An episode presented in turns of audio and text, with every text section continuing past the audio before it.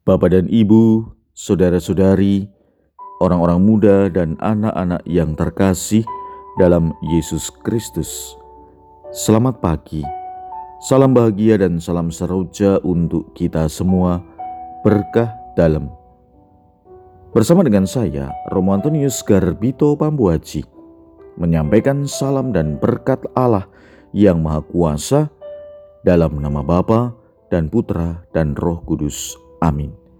Hari ini Senin 28 Juni dalam hari biasa pekan ke-13 bertepatan dengan peringatan wajib Santo Irenaeus, uskup dan martir. Bacaan pertama dalam liturgi hari ini diambil dari kitab Kejadian bab 18 ayat 16 sampai dengan 33. Bacaan Injil diambil dari Injil Matius bab 8 ayat 18 sampai dengan 22. Pada suatu hari, banyak orang mengerumuni Yesus. Melihat hal itu, Yesus menyuruh bertolak ke seberang. Lalu datanglah seorang ahli Taurat dan berkata kepadanya, "Guru, aku akan mengikuti engkau ke mana saja engkau pergi."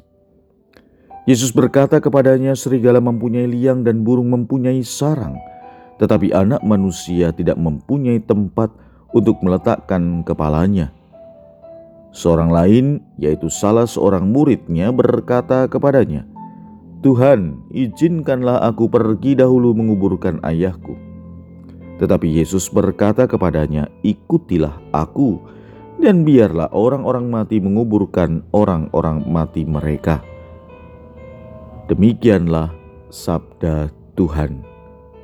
Terpujilah Kristus. Bapak, ibu, saudara-saudari yang dikasih Tuhan,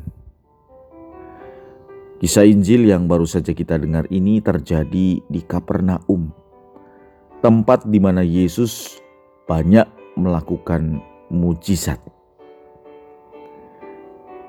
Dalam perikop sebelumnya, kita bisa membaca bagaimana Yesus menyembuhkan ibu mertua Petrus dan banyak orang sakit. Dengan melakukan hal itu, akhirnya Yesus menjadi populer. Banyak orang yang ingin bergabung dan menjadi pengikutnya.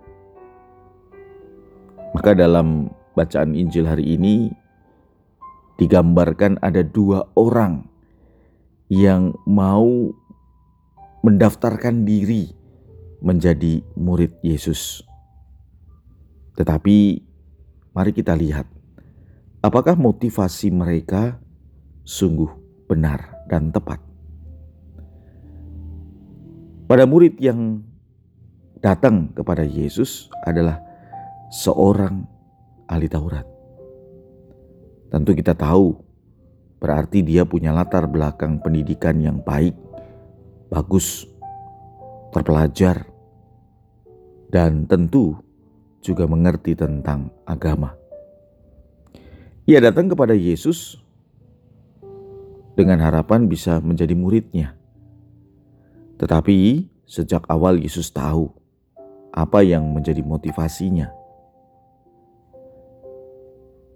Karena bagi calon murid ini, Yesus tidak lebih dari sekedar seorang guru. Dia ingin berpindah dari guru yang satu kepada Yesus. Motivasinya jelas, tidak baik. Yesus tidak menolak orang ini, tetapi ia ingin mengembalikan motivasi sesungguhnya.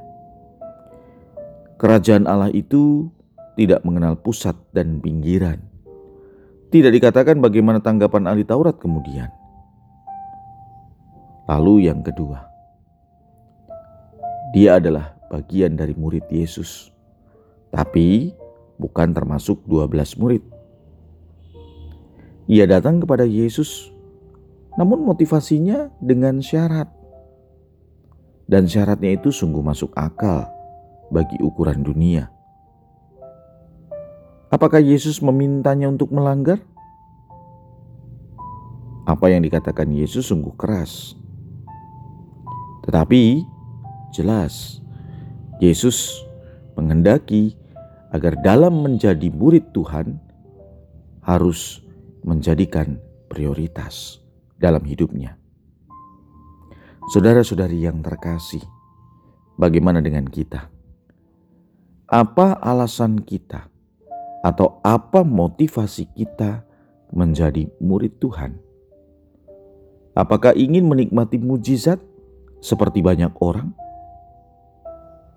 Dan apa jadinya kalau mujizat itu tidak pernah terjadi dalam kehidupan kita?